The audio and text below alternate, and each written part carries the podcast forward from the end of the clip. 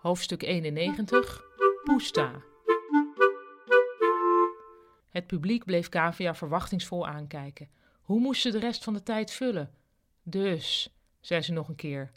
Op dat moment vloog de deur open. Surprise, surprise, riep Enzo. Hij stapte met een enorm dampend dienblad de hal binnen. Kavia stond aan de grond genageld. Ergens klonk een verbaasde what the fuck? Roy waarschijnlijk. Als iemand me even kan helpen, riep Enzo. Kim snelde toe. Ja, mensen, dit is dus wat Kavia bedoelde met het verrassingseffect, riep hij.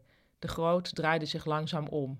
Dus speciaal voor deze middag, vervolgde Enzo, heb ik een kleine goulash-tasting bij me. Lekker herfst, lekker boswandeling, lekker goulash. Hij begon kleine bakjes rond te delen. Dit is een hoogland goulash, hoorde Kavia hem tegen de groot zeggen, terwijl dit meer een poesta goulash is, zeg maar wat we hier kennen. De groot pakte een poesta goulash van het dienblad. Traag ging het plastic lepeltje in de goulash en daarna in zijn mond. Het was even stil. Verrekte lekker, zei de groot. En het was alsof dit het startschot was. Ineens was er gepraat, stoelen werden omgekeerd en binnen vijf minuten was er een goulashfeest gaande.